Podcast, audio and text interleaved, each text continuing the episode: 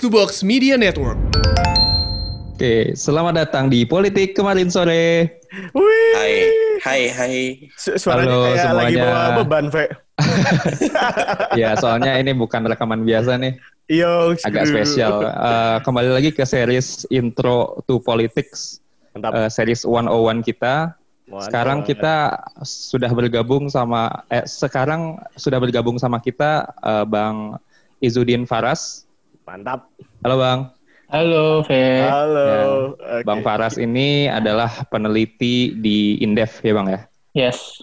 Peneliti di Indef. Indef itu adalah em, think tank ekonomi yang independen, Yes. lembaga think tank ekonomi yang independen. Jadi sama Bang Faras ini kita nanti akan ngomongin soal resesi 101. Jadi Resesi 101. kita akan banyak ngomongin soal apa sih resesi itu, lalu kemudian bagaimana berefek ke kita. Kalau ekonomi resesi emang ngefeknya ke kita sebagai warga negara atau gimana? Lalu Terutama buat kemudian ini ya, apa? Terutama buat netizen di Twitter yang suka ngetik resesi tapi nggak tahu artinya apa, ini bisa di refer. Iya. kan sepertinya Sobat- banyak. Sobat-sobat miskin di Twitter ini tuh ya betul. Kejarannya ke sana dari sana memang. Ya, ya. Oke, Kan oke. memang kayaknya dari kemarin diomongin soal resesi-resesi, tapi kayak kita nggak terlalu ngerti gitu. Ini maksudnya apa? Lalu kemudian mungkin kita akan ngomongin soal solusi, eh, kalau ada solusinya. Aduh, iya iya iya. Jadi eh, ya gitu. Tanyain aja dulu, Ve. Bang, ada solusinya nggak? Kalau nggak ada ya nggak usah rekaman. Rekaman ditutup saat ini langsung ya. Iya, maksudnya kalau nggak ada solusi buat apa dong? ya gitu. Ah, ada Dani dan Agoy juga di sini. Oh iya, benar. Yo, Shrew. Halo. Halo, Agoy dan Dan Halo. nanti yang eh, ngelid percakapannya ada gue Ave di sini. Oke. Siap. Kita masuk intro. Jeng jeng jeng jeng. kan keputusan MK tentang rumput eksekutif sudah dibahas. Dibilang nggak ada naskah eksekutif, eh, naskah ada nih, as- naskah ada, ah, naskah ada akademisnya. Yang bener aja, apa kita orang tolol semua? Ya, eh, kita langsung masuk aja nih ya eh, ngomongin soal resesi karena sejak eh, beberapa bulan sebelumnya, mungkin sebulan sebelumnya ini ada ada laporan dari BPS ya kalau kita Hmm. sudah mau masuk resesi walaupun belum ya. Waduh. Mhm. Sudah eh, analisa banyak orang adalah dari laporan itu kita sudah mau masuk resesi ini karena ada pandemi dan segala macamnya. September ya, Bang ya? Patokannya, Bang ya? Kuartal ku- kuartal ketiga itu September, Bang ya? Jatuhnya. Kuartal ketiga itu Juli, Ju- Juli, Agustus, September. Ya, berarti Oke. ini harusnya kita udah tahu dong, Bang. Udah Oktober. Nah, ini jadi gue mulai dulu kali ya. Ya, Oh iya, boleh. langsung langsung ke secara teoris teoritisnya aja bang. Resesi itu apa Iya. sih bang? Iya, Ini udah gak resesi- sabar resesi. Resesi Gue pengen membuktikan gue jadi kok nih jadi gitu. Iya iya iya. Nah, itu. Jadi secara teknis di ekonomi, resesi itu adalah pertumbuhan ekonomi, terjadi pertumbuhan ekonomi negatif selama dua kuartal. Jadi satu kuartal itu tiga bulan. Uh, Hmm. Berarti tadi misalnya kuartal ketiga 2020 adalah bulan Juli, Agustus, September. Nah, kan kuartal kedua bulan April, Mei, Juni sudah negatif Negatif. Heeh. bulan negatif sebesar minus 5,32 persen. Itu Indonesia ya. Nah, untuk kuartal ketiga ini, Juli, Agustus, September, eh, sudah pasti resesi, cuman angkanya belum keluar karena angkanya keluar oleh BPS itu nanti awal November. Nah, tadi kenapa sudah Ah, resesi? oke. Karena sudah bisa dilihat trennya. Karena eh, yang paling pertama adalah nggak mungkin dari minus 5,3 langsung jadi positif tiba-tiba begitu ya. Dengan kondisi sekarang, dengan kondisi corona, Ah, kemarin ah, ada ah, PSBB lagi, masih PSBB dan seterusnya lah banyak hal kayak gitu. Jadi pasti resesi kita dan sebenarnya sedang terjadi resesi gitu. Hmm. Itu itu dulu arti resesi dan kondisi resesi sekarang. Jadi sekarang kita sedang merasakan resesi. Ya, Oke. nah bang kalau realnya nih bang, itu kan Hmm. persen-persenan angka-angka yang kadang-kadang kita nggak ngerasain gitu. Maksudnya apa sih gitu? Kadang-kadang em, ekonomi 5%, 10% tapi ya tukang gorengan ya tetap jual gorengan aja gitu kan. Betul betul betul. Nah, betul. eh, sebenarnya untuk ke keseharian itu kayak gimana sih sebenarnya? eh, apakah harga-harga bakal lebih mahal ataukah dolar naik atau apa gitu? Ya, kalau yang terjadi di masyarakat begitu ya, yang terjadi di masyarakat itu satu masyarakat daya belinya melemah dalam artian eh, mereka tidak bisa konsumsi katakanlah dulu sebelum eh, resesi begitu ya, katakanlah bisa sepuluh ribu bisa mereka bisa beli eh, sejumlah keranjang barang X X barang misalnya begitu ya, sejumlah keranjang barang. Nah, dengan adanya resesi ini sepuluh ribu itu mereka nggak sanggup be- beli sejumlah keranjang jadi X min sekian gitu dengan eh, jadi nggak mampu lagi beli eh, keranjang yang sama dengan isi yang sama begitu. Eh, yang nggak mampu karena harga barangnya naik atau uangnya nggak sepuluh ribu sekarang bang? Uangnya nggak sepuluh ribu. Nah tadi Oh, oke. benar yang eh, sekarang kondisinya adalah di Indonesia ya, eh def- sedang terjadi inflasi yang sangat rendah. Hmm. Inflasi yang sangat rendah. eh, nah itu artinya tidak ada konsum. eh, arti, ada, jadi inflasi itu ada beberapa bagian, tapi intinya singkatnya adalah tidak terjadi daya tidak terjadi peningkatan daya beli yang artinya justru terba, dari sebaliknya terjadi penurunan daya beli tadi karena nggak mereka nggak mampu lagi mencapai uang sepuluh ribu itu tadi. Oh oke oke. Sekarang untuk bulan berapa bulan terakhir tuh malah disebutnya lagi deflasi itu ya bang ya? Iya, ada beberapa bulan eh eh, iya ada di sepanjang resesi ini ada beberapa bulan tuh resesi. eh sorry, eh, deflasi. Deflasi ya, iya iya Hmm. iya. Gitu. Di mana ketika deflasi itu bukan harganya naik tapi justru daya turun daya belinya aja yang turun gitu. Kalau deflasi itu berarti seluruh jadi de- eh, keranjang yang eh, BPS itu menghitung 80-an something eh, 80-an sekian eh, jumlah barang, ada daging ayam, daging sapi, telur dan lain-lain ada 80-an. Mhm. Nah, 80-an barang itu dihitung oleh BPS. Kalau secara umum 80-an satu keranjang lah gitu ya, satu keranjang itu meningkatkan mening- eh, mengalami peningkatan harga sebesar satu sebesar satu persen berarti inflasi satu persen. Nah, yang terjadi justru tadi penurunan penurunan harga dalam satu keranjang Oh. tersebut eh, deflasi sekian persen begitu. Berarti ini eh, sorry bang, ini pertanyaan goblok bang. Ya, nggak apa-apa ya, kan one one. Berarti eh, walaupun udah deflasi, tapi tetap tidak mampu si sepuluh ribu tadi mencapainya. Untuk dapetin sepuluh ribu tetap nggak bisa gitu bang. Berarti ini ada double gitu nih.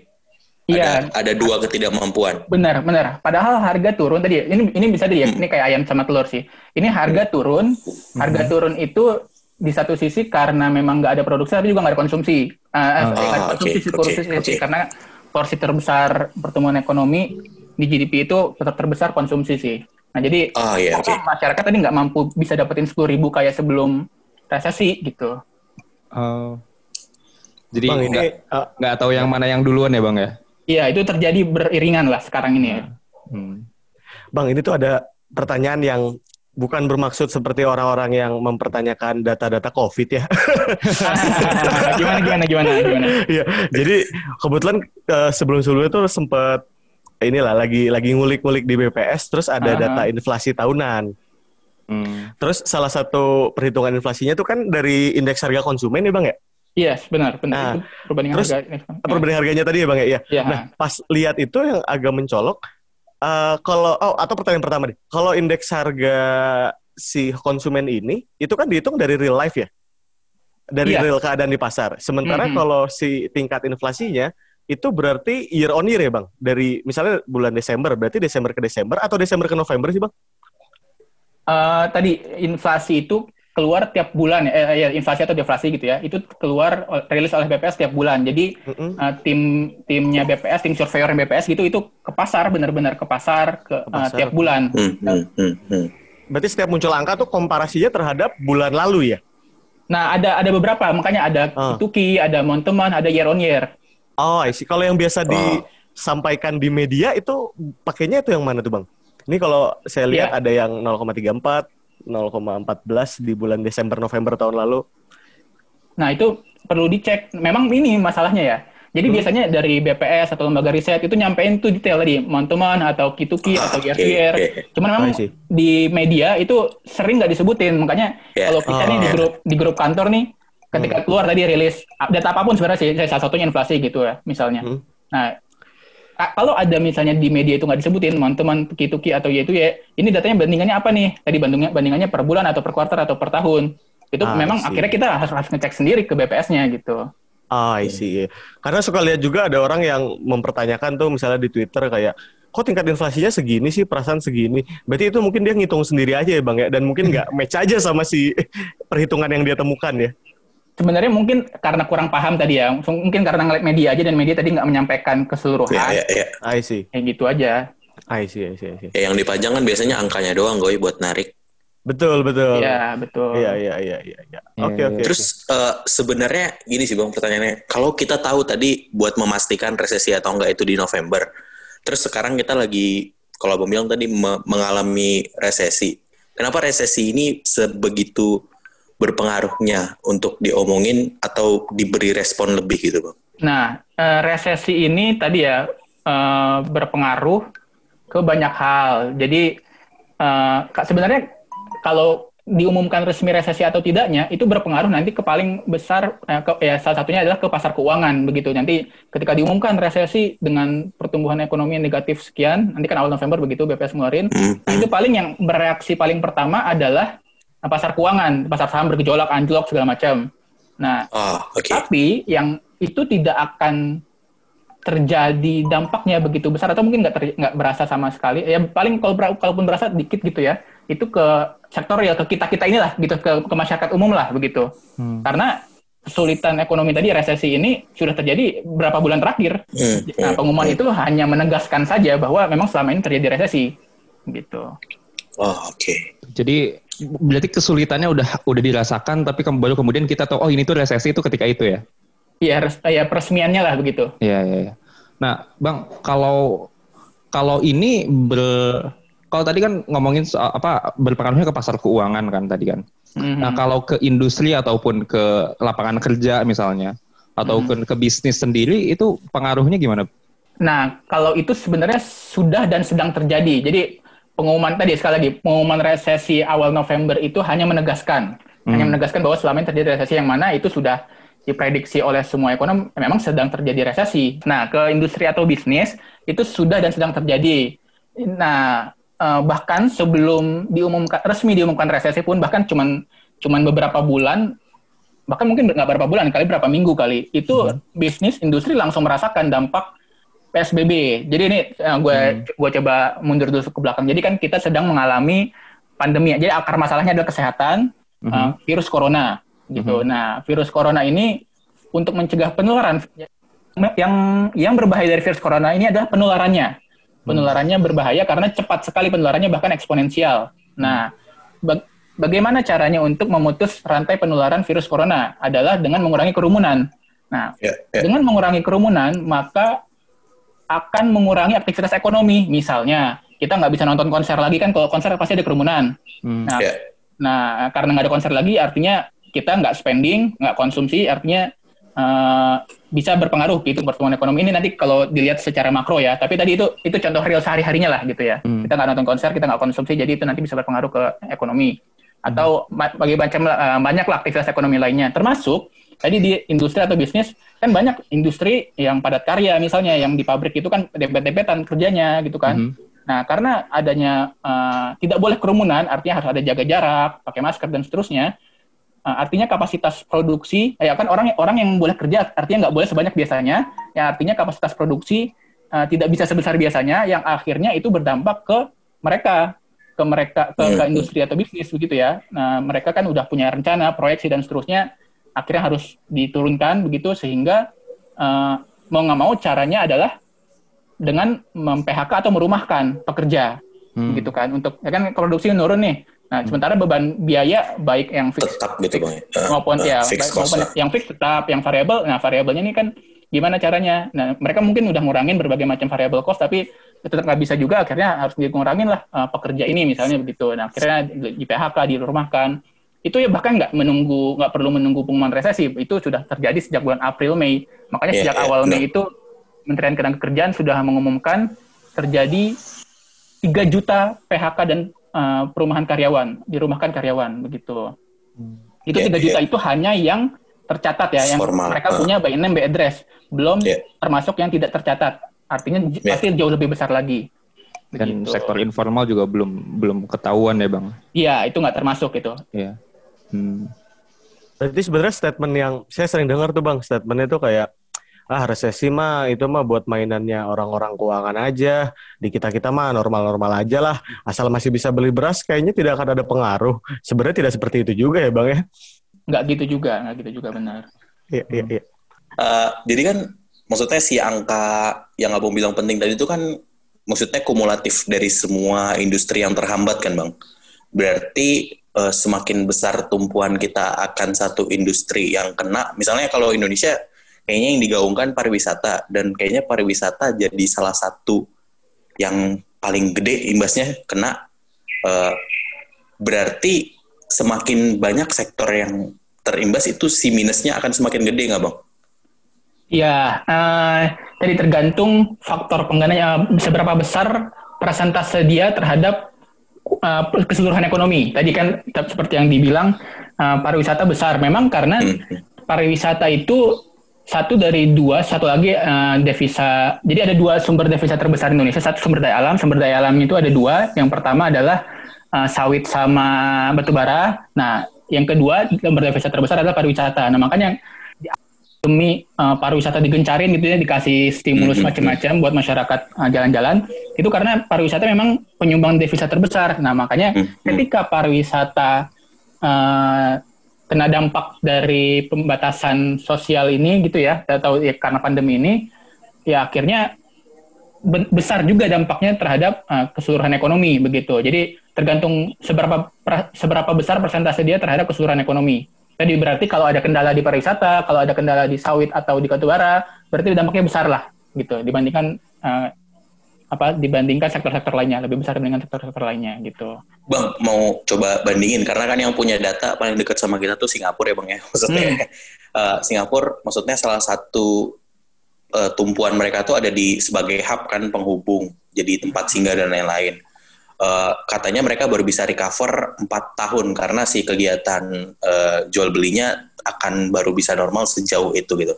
Nah, buat kalau yang abang tahu di Indonesia yang titik beratnya tadi SDA dan pariwisata, kira-kira se seakan selama itu juga atau tidak dirasakan efek dari penurunan ini, bang? Ya kalau eh jelas beda sih eh, Indonesia sama Singapura eh, karakteristik ekonominya tadi ya karena tadi misalnya eh, Singapura itu hub jadi jadi jadi dia dari jasa dari perdagangan begitu kan. Kalau kita kan ekspor impor nggak begitu besar porsinya. Eh, tadi Hmm, lebih hmm, paling hmm. banyak itu dari konsumsi misalnya kan 56% kue ekonomi kita itu asalnya dari konsumsi. Nah eh, tadi kalau misalnya mau coba bandingkan lamanya ya da- seberapa lama sih dampaknya Nah, kalau di Indonesia memang pasti akan berdampak ke tahun depan. Tahun depan itu memang kalau proyeksinya Kementerian Keuangan itu nggak akan bisa sampai 5% kayak biasanya. Jadi kita sejak 2013 sampai 2019 pertumbuhan ekonomi kita itu persenan begitu sekitar 5 persenan lah gitu ya. Nah, kalau 2021 eh, pertumbuhan ekonomi Indonesia menurut Kementerian Keuangan itu cuman berapa yang terakhir ya? Gue ada ada beberapa perubahan-perubahan gitu? Tapi kalau oh dari Bank Dunia misalnya tahun depan itu cuma 4,4 persen begitu. Oh, Kalau- nah artinya cepet menurun ya, lah. ya? nah itu Tapi- memang sekali lagi tergantung ya benar-benar tergantung dengan penanganan penanganan pandeminya. Karena akar masalahnya ini kan pandeminya coronanya. Kalau misalnya sampai nanti awal 2021 kan awal 2021 Hmm. 2021 katanya bakal ada vaksin gitu ya. Kalau sampai awal 2021 masih begini-begini aja bahkan lebih buruk pasti proyeksinya menurun. Karena tadi proyeksi-proyeksi ekonomi itu juga benar-benar apa bisa direvisi. Kemarin Ya, berapa bulan lalu 5 persen sekarang 4 persen. Benar-benar tergantung kondisi saat ketika diproyeksikan begitu Ya, ya. Ah, Eh, bang, ini another pertanyaan goblok. Ini kan karena corona makanya tidak pasti si angka itu, tergantung kapan sembuhnya. Yes Selama ini sebelum ada pandemi, si angka-angka prediksi itu sebenarnya tepat dan bisa jadi acuan nggak sih bang? Angka-angka prediksi dari World Bank atau dari nah ya eh, jadi ma- siapa yang macam-macam ya gitu? UBI incoming, UBI incoming. Anda, Memang- Anda tahu saja. lanjut, lanjut bang. Ya, memang yang memberikan proyeksi itu banyak lembaga ya tadi. Nah, cuman kalau yang gue bisa pastikan adalah proyeksi Kementerian Keuangan setiap tahun itu Hmm, pasti eh, realisasi ke, realisasi pertumbuhan ekonomi pasti di bawah proyeksi Kementerian Keuangan yang tertera di APBN. Itu pasti di bawahnya. Karena Oh. proyeksi yang mereka lakukan itu sangat optimistik biasanya. Wah, sangat optimistik. Siap, siap. Iya, itu. Nah, itu itu satu hal yang bisa gue pastikan. Cuman Oke. kalau lembaga lain bervariasi sih macam-macam. Uh. Ada yang ada yang tepat, ada yang meleset sedikit. Jarang sih yang tepat banget. Biasanya pasti ada meleset. Uh, cuman biasanya melesetnya nggak jauh-jauh. Ada ada juga sih lembaga-lembaga yang yang agak jauh. Tapi oh, tapi yang bisa gue pastikan adalah Kementerian Keuangan. Kementerian Keuangan proyek Wah, oke. Berarti kalau optimistik makin jauh ya, Bang ya? gimana? kalau optimistik makin jauh ya, Bang. Emang mati kalau- duluan ya kalau optimis tuh. gitu lah. Pokoknya itu sih kalau tren selama ini ya, apa yang tercatat di APBN yang dibuat oleh Kementerian Keuangan itu pas realisasinya pasti di bawah yang tertulis itu. Nah, tadi kan sebenarnya udah ngomongin soal em, ngomongin soal pandemi terus kemudian dari mulai PSBB terus kemudian jadi eh, efeknya jadi kemudian eh, resesi karena ya PSBB terus kemudian ada ada banyak ada banyak banget kayak domino efeknya gitu ya. Hmm. Nah, tapi em, ini kan sebenarnya sudah diprediksi sama banyak orang ketika ada pandemi mulai, lalu kemudian kan harusnya udah ada respon dari pemerintah ya. Nah, kebijakan pemerintah sejauh ini itu untuk kemudian menjaga ekonomi tetap jalan tuh sebenarnya sudah sejauh apa dan sudah sejauh apa udah hasilnya dan sebenarnya apa aja sih? Ya, jadi memang pemerintah ini payah dalam menangani pandemi. Hmm. Sangat tidak serius, sangat sangat menangani pandemi sejak awal sampai sekarang. Ini kesehatan, ekonomi, atau politik, Bang? Menangani pandemi karena as- Oh. masalahnya pandemi ya, kesehatan, Oh. kesehatan. Oh, kesehatan. Oke, Akar siap. masalahnya Kalau kesehatan. yang ekonomi ada Faisal Basri, gue. Oh, betul. Kalau politik soalnya Pemerintah jalan... goblok nggak ngerti resesi gitu. Faisal Basri itu ya. Bukan. Iya, iya. Ya itu kalau Faisal saya Basri. kalau saya masih tidak serius bercanda gitu. Kalau Iya, Faisal baru Bang Faisal baru goblok Iya, gitu. iya. So- Soalnya kalau politik pemilu lanjut terus kan. Jadi sepertinya pemilu kalau bidang politik masih serius. Serius. Iya, betul. Oke. Begitu lah. Nah, itu tadi eh, penanganan pandemi tadi yang jadi akar masalah sangat tidak serius. Tadi kalau kata Bang Faisal goblok gitu ya pemerintahnya. nah, eh, yang mana itu sebenarnya akan berdampak ke ekonomi. Nah, masalahnya sejak awal pemerintah itu nggak punya keseriusan menangani pandemi sehingga kebijakan apa pun yang dikeluarkan pemerintah pasti tidak akan berdampak begitu besar khususnya ekonomi ya karena akar masalahnya nggak di, nggak dibenahi gitu. Jadi Hmm. pemerintah mau uh, menganggarkan berapa ratus triliun pun, makanya kan coba nih dilihat ya kem- uh, bulan bulan April atau Mei gitu, itu pemerintah mengucurkan 500-an triliun, 502 triliun. April kalau nggak salah. Eh, iya April. April itu 502 triliun. Lanjut bulan Mei apa Juni? Juni kalau uh, Mei, Juni kalau nggak salah, itu ditambah jadi 680 ya 600-an triliun lah. Itu karena mereka melihat hanya dalam satu atau dua bulan itu terjadi pemburukan kondisi pandemi atau kesehatan. Nah, artinya kalau misalnya ini makin buruk dan sekarang makin buruk ya kondisinya karena uh, laju penularannya makin eksponensial.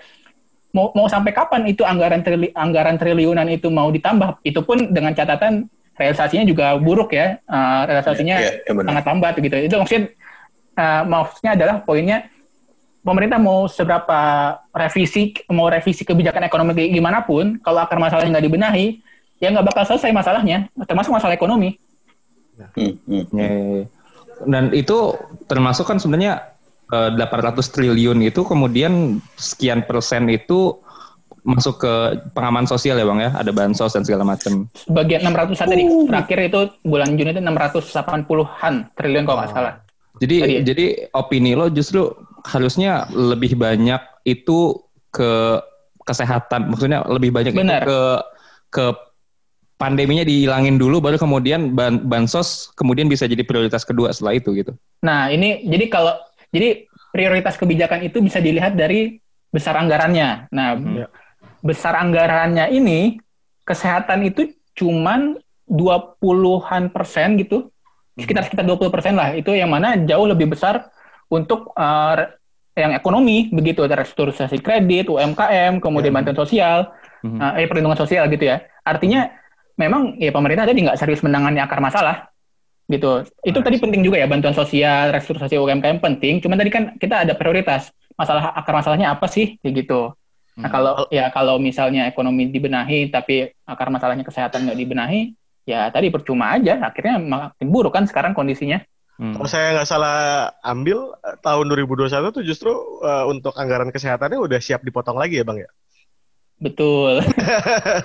Angga, ini ini tapi ya, tapi ini anggaran uh, apa anggaran untuk Kementerian Kesehatan secara Oh. secara Ah, oke. secara presentase menurun meskipun secara nominal nomi- meningkat. Oh, Oke. Mungkin PD vaksinnya udah jadi kan Luhut bilang November ya? Nah, itu nggak tahu tuh. tapi, it- tapi itu nggak masuk akal ya bang ya, walaupun persenan walaupun secara nominal naik, tapi persenan turun itu harusnya memang Kemenkes dikasih yang jauh lebih tinggi menurut lo. Nah, ini makanya kan kemarin sempat rame komentarnya Bang Faisal di Mata Najwa kan mengkritik anggaran kesehatan yang sangat rendah untuk 2021 kemudian ditanggapi oleh uh, staf khusus menteri itu Pak siapa namanya? Lupa yang, yang biasanya ngomong lah itu, gue lupa namanya. Staf- yang biasanya biasanya staf nge-tweet khusus yang, yang ke- eh, Kemenkes ya? Kemenkeu, Kemenkeu. Oh Kemenkeu ya. Gue lupa namanya orang pajak. Prastowo.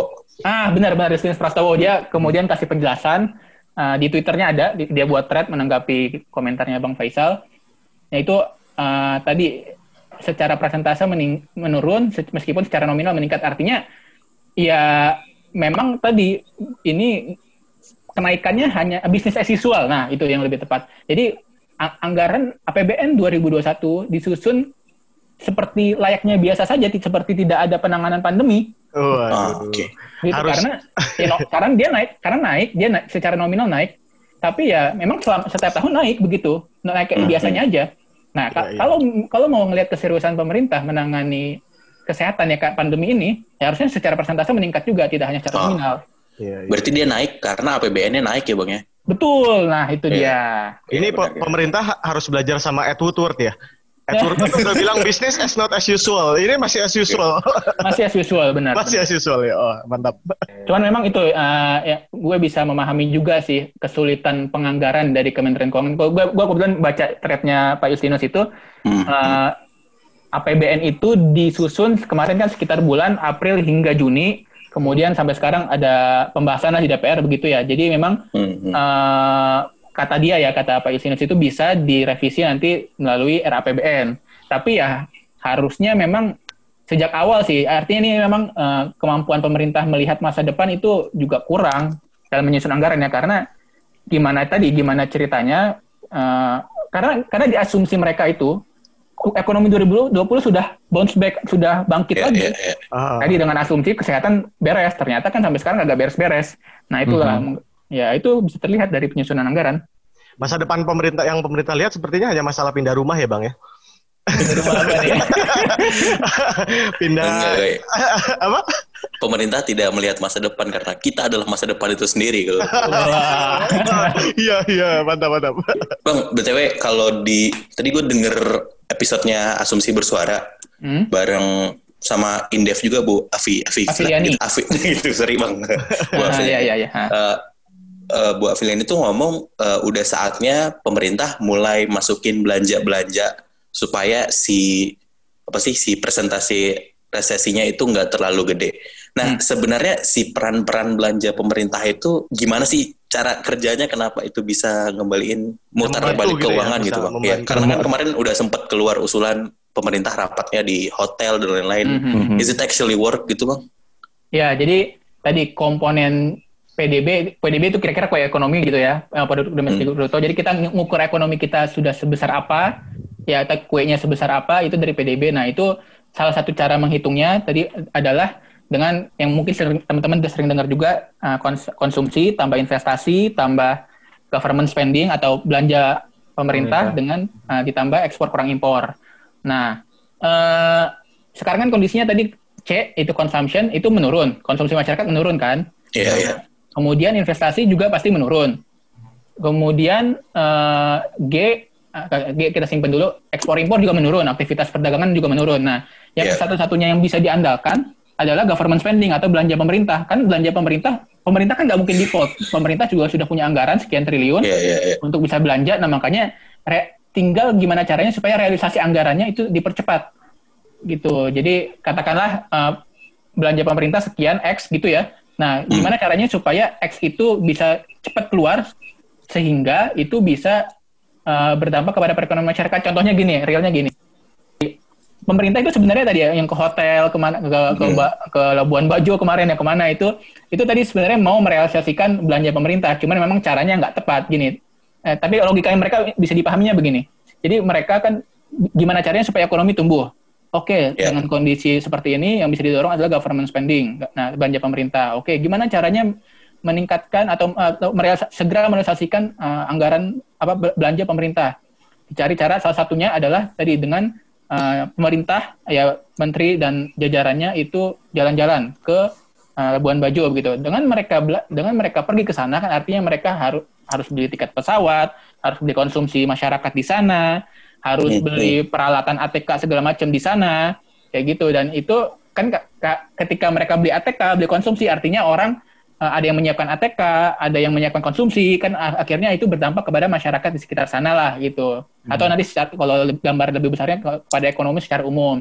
Itu yang mereka harapkan Hmm, uh, hmm. dengan adanya uh, mendorong belanja pemerintah sehingga bisa mendorong ekonomi atau setidaknya mengurangi dampak resesi. Jadi uh, dampaknya itu bisa diminimalisir lah begitu. Nah, itu yang itu logika mereka meskipun tadi harusnya ya gimana caranya akar akar masalahnya kesehatan ya realisasi anggaran untuk kesehatan, alat kesehatan eh, untuk tes Hmm, tracing hmm, dan hmm. treatnya itu harus harus dipercepat bukan dengan cara eh, mereka jalan-jalan dan kemudian fotonya apalagi kan dempet-dempetan ada yang di dalam gitu-gitu Iya, lah. iya, iya. Itu Bang, ka- oh, iya. tujuannya Kalau- tujuannya bisa kita ngerti tapi caranya nggak tepat. I see. Hmm, Oke. Kalau yang sekarang rame di investasi-investasi gitu kan suka ada promo dari pemerintah tuh disuruh kayak, ayo investasi yang aman di masa pandemi, investasi di obligasi. Itu Oh, beli obligasi ya. Ah iya, ini ke situ juga nggak sih bang larinya? Iya, jadi benar-benar bisa bisa. Jadi kayak gini, eh, kan obligasi atau sukuk itu kan surat utang pemerintah yang bisa dibeli, yang bisa dibeli dalam hal ini kan bisa dibeli masyarakat, kayak gitu ya. Nah, Ya. eh, jadi sekarang kondisinya pemerintah likuiditas tuh seret gitu ya, eh, Hmm. nah bahasanya. Jadi uang yang ada di perbankan khusus khususnya begitu, khususnya nanti bisa dilihat lebih detailnya eh, ke perbankan apa BUMN begitu tapi kalau perbankan secara umum lah, perbankan secara umum tuh lagi lagi seret likuiditasnya. Nah, ketika eh, apa kita ketika kita beli gitu ya surat utang negara itu dari obligasi misalnya kan kemudian kita uang kita itu pindah ke kas negara gitu jadi ya ke kas negara lah gitu ya yang ke- yang itu kan masuk ke bank kan kita kan belinya lewat bank biasanya tuh Ya. nah itu nanti likuiditas atau jumlah uang lah gitu ya jumlah uang yang ada di perbankan khususnya perbankan yang bersama biasanya si BUMN begitu ya uangnya pemerintah juga kan itu eh, akan meningkat yang itu juga nanti bisa digunakan untuk biasanya kasih kredit ke UMKM atau, Ah. atau membantu Hmm. perbankan restrukturisasi apa membantu perbankan untuk program PEN pemulihan ekonomi nasional yang restrukturisasi kredit misalnya atau restur, eh, apa pemulihan korporasi kayak gitu-gitu itu Ah. bisa ngaruhnya di situ Iya, iya, iya. iya. Oke, oke. Bang, berarti si government spending ini poinnya bukan serapan anggaran kan, Bang? Karena kan mereka kalau serapan anggaran jatuhnya ke apa yang udah direncanakan terus direalisasikan gitu. Kalau si government spending ini nggak ada pengaruhnya ke sana kan, Bang? Yang penting duitnya keluar dan muter Ngaruh di juga bawah tadi kan, Bang?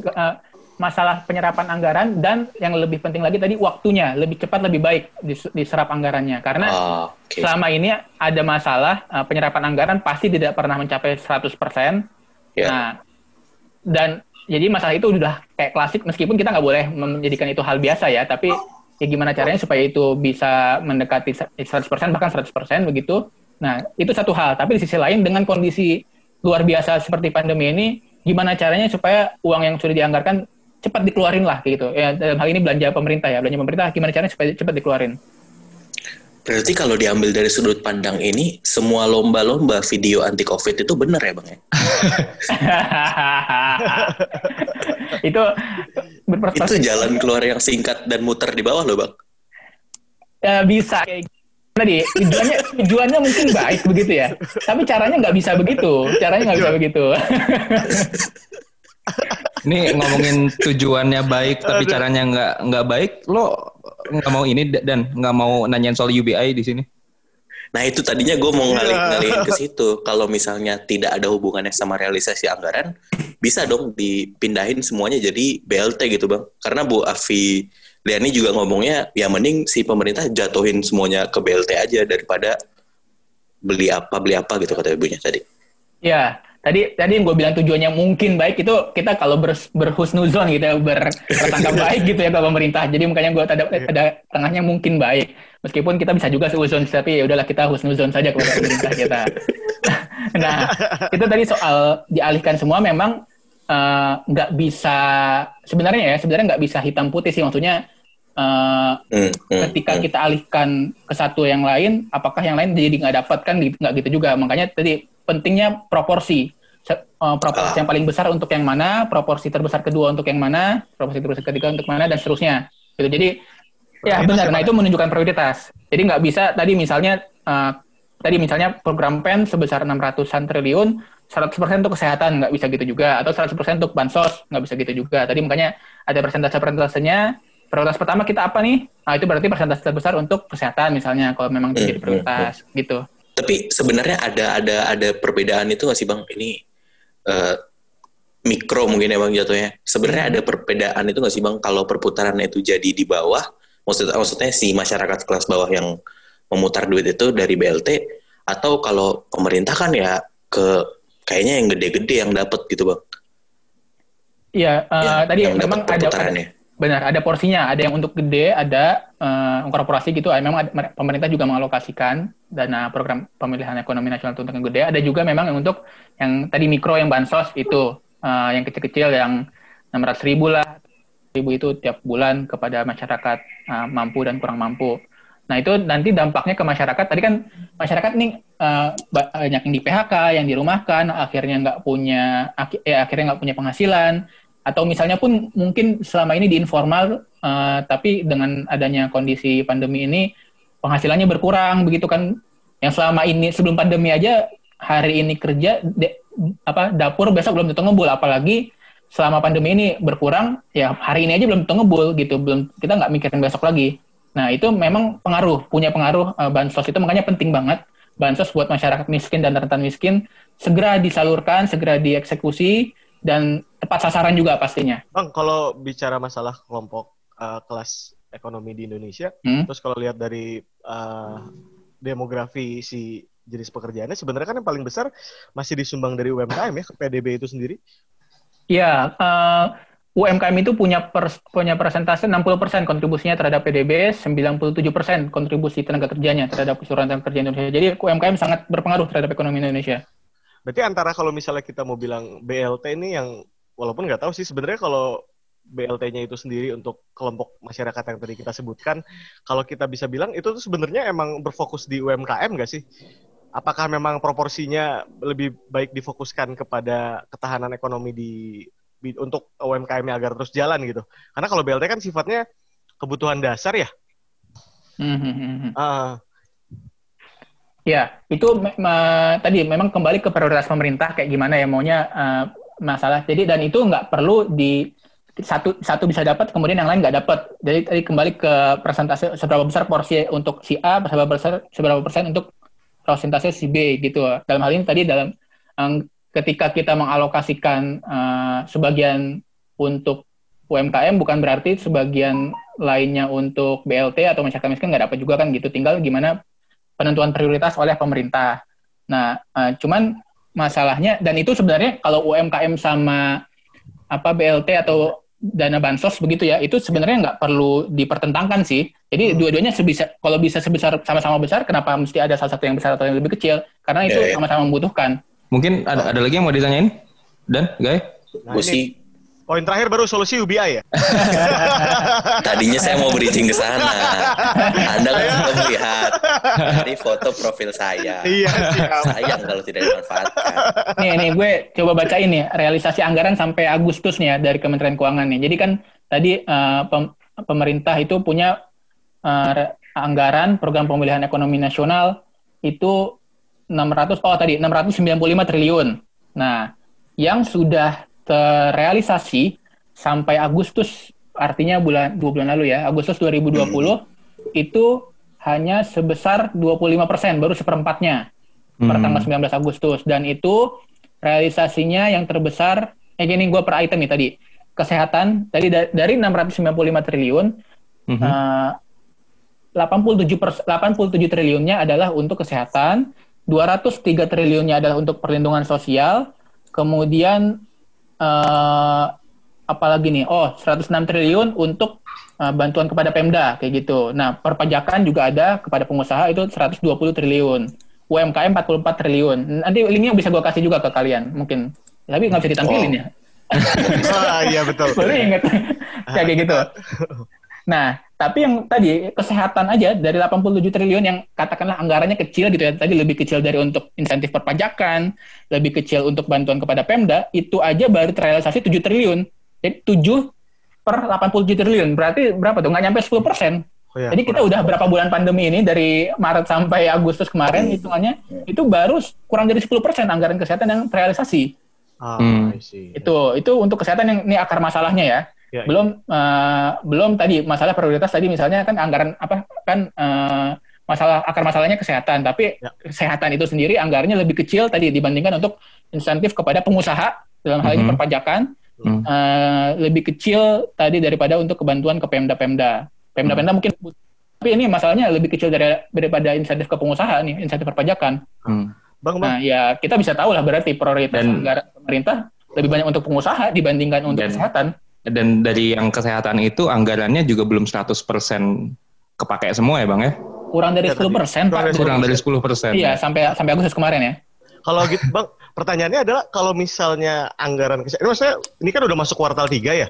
Yes, udah kuartal 4 sekarang kan. Kuartal, oh, ma- ya, masuk kuartal 4 bahkan. Hmm. Dengan serap- eh, realisasi anggaran yang hanya 10%, artinya kan memang selalu seperti itu ya. Jadi di kuartal terakhir dikebut untuk ngejar berapa persen sisanya. Dan sebenarnya pengen tahu sih sebelum-sebelumnya tuh anggaran apa realisasi anggaran itu tembus di berapa persen sih, Bang? Iya, eh, biasanya sekitar 90-an persen.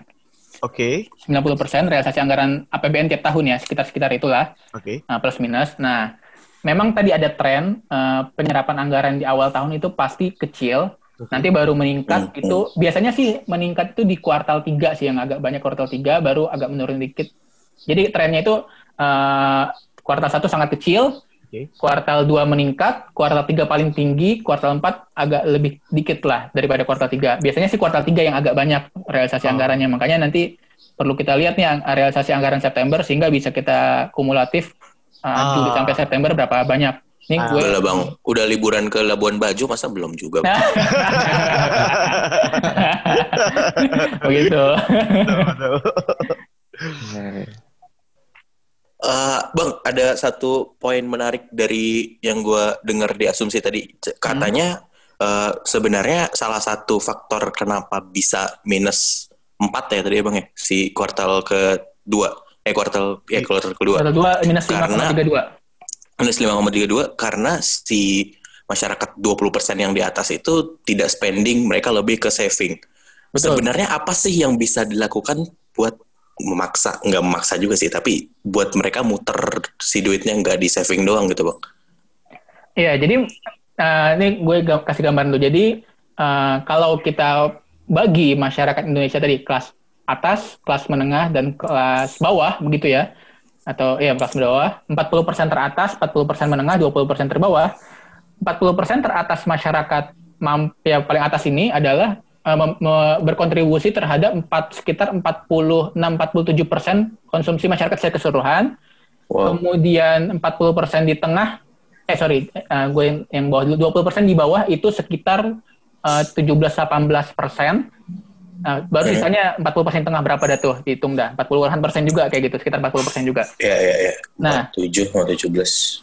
ya Empat- Oke, 36-an. Ya. nah, sekitar segitu itu 40 persen tengah nah makanya eh, kalau mau mendorong konsumsi masyarakat memang harus apa kalau tadi kalau kalau mau mendorong konsumsi masyarakat yang paling mudah adalah dengan cara mendorong konsumsi masyarakat yang mana nih masyarakat yang atas 40 persen teratas nah masalahnya di tengah pandemi seperti ini itu mereka nggak mau konsumsi. Kenapa? Karena ya tadi mereka biasanya jalan-jalan bi- mereka biasanya beli barang-barang mahal jadi nggak bisa uh, beli tas mahal beli perhiasan mahal. Kan mereka jadi nggak bisa ke mall. Mallnya kan ditutup kemarin misalnya. Pun udah dibuka masih sepi karena takut corona gitu kan.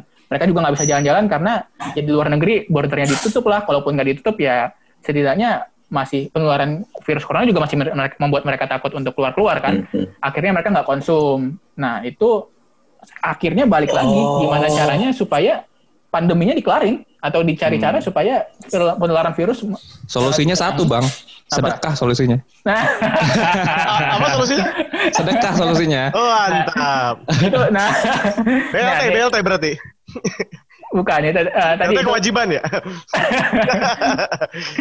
kayak gitu. Nah itu tadi eh, ya pada akhirnya memang masalah eh, masalah pandeminya yang harus dibenahi oleh pemerintah. Hmm. Itu. Nah tadi baik itu kan perspektif eh, makronya, di makronya gimana cara mendorong mereka supaya konsum mengeluarkan uangnya. Tadi tadi be- benar juga kata Ave, ini kita eh, masuknya tadi kata kata Ave sedekah. Itu kalau memang mereka yang 40% teratas ini mau membantu sekitar-sekitarnya yang kesulitan, yang terdampak eh, secara ekonomi, tadi bisa melalui sedekah. Mantap. Yang muslim zakatnya dikeluarin atau yang yang di gereja apa namanya tuh dikeluarin eh gue lupa namanya. Sepuluh. Apa persepuluhan, ya persepuluhannya Ya, ataupun di Hindu Buddha ada juga kan istilah- istilahnya itu dikeluarin juga. Apa di apa di rapel bulan ini aja ya semua hari raya bang? ya gitu lah intinya kewajiban-kewajiban di ajaran agama masing-masing tadi zakat atau persepuluhan atau yang lain-lain itu dilaksanakan sesegera mungkin. Tadi kan kalau zakat kita misalnya kan bisa bulanan bisa per tahun. Nah mungkin orang-orang yang biasa membayar zakat secara tahunan bisalah di, dikeluarin sekarang per bulan khusus di masa pandemi ini karena kan banyak orang yang membutuhkannya sekarang bukan nunggu tahun depan kan gitu. Ya, ya, ya. Nah, ya pun sedekah, infak dan segala macam itu kalau bisa dikeluarin ya diharapkan dikeluarin. Cuman kan itu kan eh, akhirnya ke kembali ke masing-masing ya. Ya, Iya, apalagi iya. ya orang kaya kan ya bervariasi tingkat Iya. keimanannya Iya. gitu loh. Tingkat Berarti itu kenapa alasannya belakangan ini banyak paket wisata ekstra mahal itu keluar ya bang ya? Yang pakai jaminan ini itu dan lain-lain. Di jalur khusus lah jadinya wisata ya. Di upgrade kelasnya premium gitu berarti untuk nargetin atau enggak atau itu ini aja eh, eh, nutupin kos, pinter-pinternya yang dagang doang. nutupin operasional aja. Iya nutupin operasional aja. Ya, Bukan itu, itu, inisiatif pemerintah. ya eh, dua-duanya bisa benar sih maksudnya tadi dari dari perspektif pelaku usahanya tadi mereka menawarkan layanan premium yang mereka ka- katakanlah kasih jaminan supaya aman semuanya eh, tes-tes di, di di apa sudah termasuk biaya akomodasi dan lain-lain itu itu memang mereka sadar bahwa orang ini yang selama ini mereka ya jadi konsumen mereka adalah orang kaya nah sementara orang kaya nggak mau nggak mau jalan-jalan kalau nggak ada jaminan nah mereka coba usaha dengan kasih jaminan itu meskipun ya pasti nggak akan seperti sebelum pandemi Iya, kan iya, ya mungkin iya, ada benar. tapi ya pasti malah kembali lah kayak sebelum pandemi kayak gitu Baiklah, saya paham. Silakan Ave. Iya. Ya, itu sebenarnya udah udah nyentil-nyentil poin terakhir sih sebenarnya tadi Ya.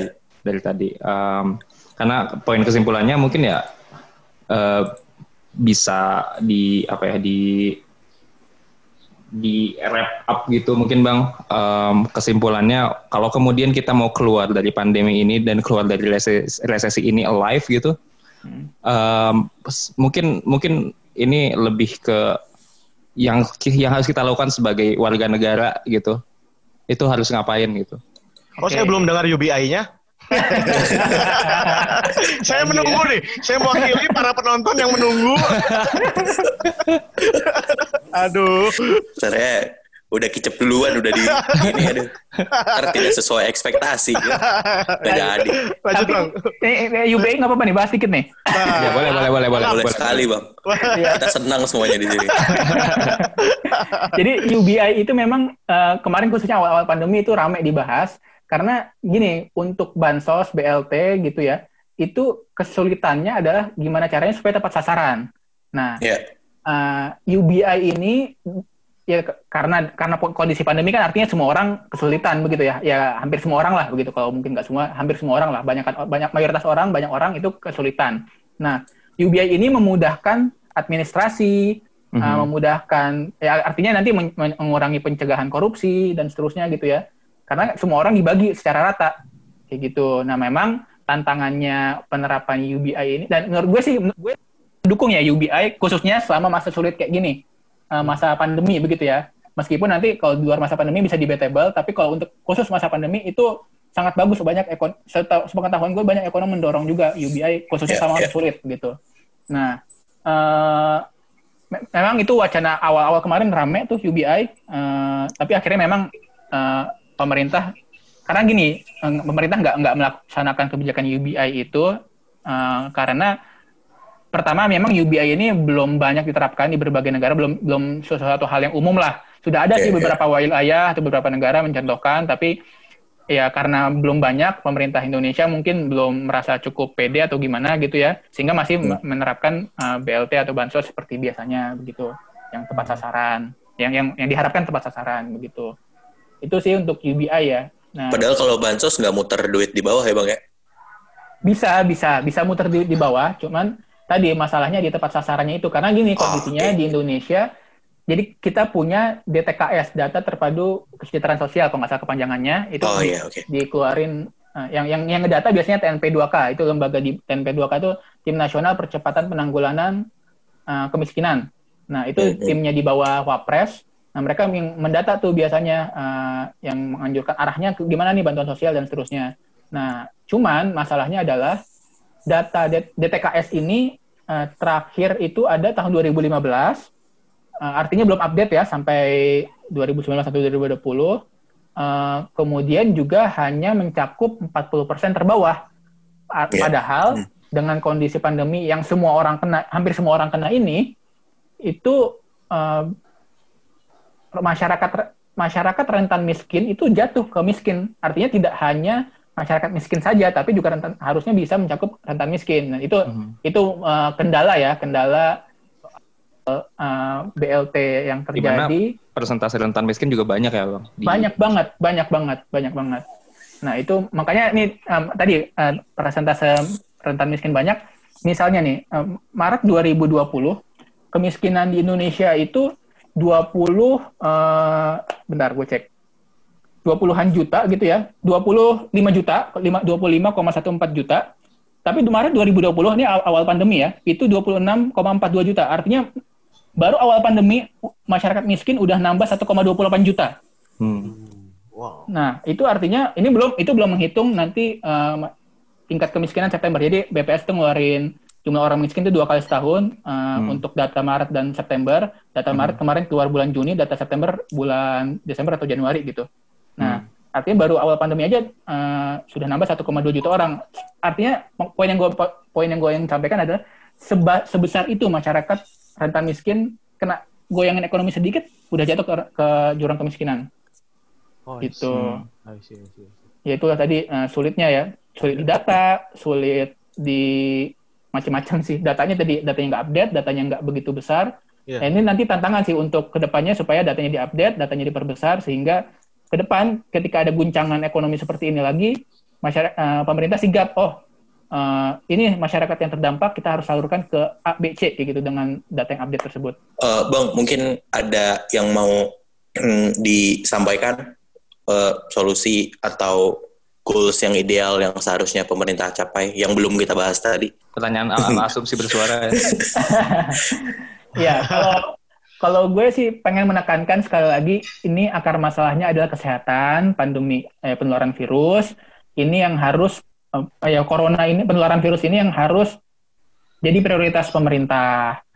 Ja- eh, ya artinya tadi secara anggaran, secara kebijakan dan seterusnya semuanya harus mengarah ke penanganan virus ini. Kalau enggak mau kebijakan ekonomi apa pun, mau kebijakan macam-macam dikeluarin, selama akar masalahnya tidak dibenahi, akan percuma.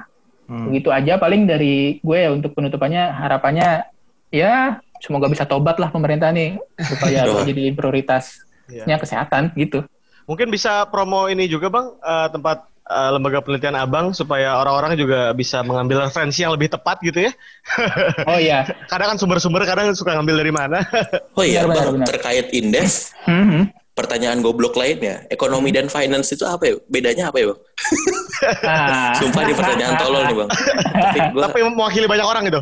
Heeh. Eh, Itu kayaknya episode selanjutnya deh. oh gitu. Finance bridging. 101 gitu. Ah, boleh, boleh, boleh. Emang panjang, bang, jawabannya, bang. bisa panjang bisa pendek sih. Cuman tadi yang indefnya dua tadi tadi kan gue banyak kasih umum ya, kasih umum dan gue nggak kasih banyak Iya. angka. Nah, Iya. Kalau mau angka lebih detail tadi bisa dicek salah satu bisa di, di Google sih. Cuman kalau khusus lembaga gue tadi bisa dicek di indef.or.id untuk websitenya. Di situ ada publikasi kita, eh, baik publikasi eh, tahunan, publikasi rut bulanan, macam-macam ada yang ada macam-macam publikasi di sana silahkan dilihat. Kemudian untuk medsosnya untuk update ya, update apa saja yang ada di uh, website bisa dicek di medsos kita yang aktif sih sekarang di Instagram. Di Instagram itu at indef, indef underscore official. Kita juga suka update meskipun nggak paling update sih di Instagram, cuman yang ada update lainnya juga bisa dicek di at indef economics gitu. Uh, Nah biasanya kalau kita ada uh, press release gitu atau press conference itu kita tayangin juga di YouTube Indef. Hmm, I see. Oke oke oke. Apalagi ya? Gitu. Indef. Ah, siap. Eh, pribadi mungkin bang? Pribadi eh, gue nggak eh tapi boleh lah di Instagram paling gue aktifnya di Instagram itu pun nggak gitu aktif aktif banget di Izudin Faras. Oke, siap. Izudin Faras. Oke. Mantap. Eh, itu aja kali ya, Fe ya. Ada lagi, Fe? Nggak ada, eh, kita tutup aja kali ya. Yoi. Jangan Ya. lupa eh, sosial media kita juga di Instagram dan Twitter @p kemarin sore. Ete kemarin sore. Terima kasih banyak Bang Faras udah mampir di sini. Makasih Ave, makasih Agoy, makasih Dani untuk kesempatannya. Oke, Bang. Ya, ma- mohon maaf nih Bang, jadi agak lebih dari satu jam sedikit lah ya ini. Santai, santai, santai. Mudah-mudahan mencerahkan banyak orang. ya, Amin, amin, amin. mungkin mungkin lain kali bisa ketemu sama junior eh, junior SMA Yang satu lainnya. lagi. siap, siap, siap. Sepertinya kecimpungnya di ekonomi juga soalnya ya. Ya, ya, gitu. Jadi um, sekali lagi, Bang Faras, terima kasih sudah bermain ke sini dan sudah memberikan wawasannya. Kita dari Politik kemarin sore pamit.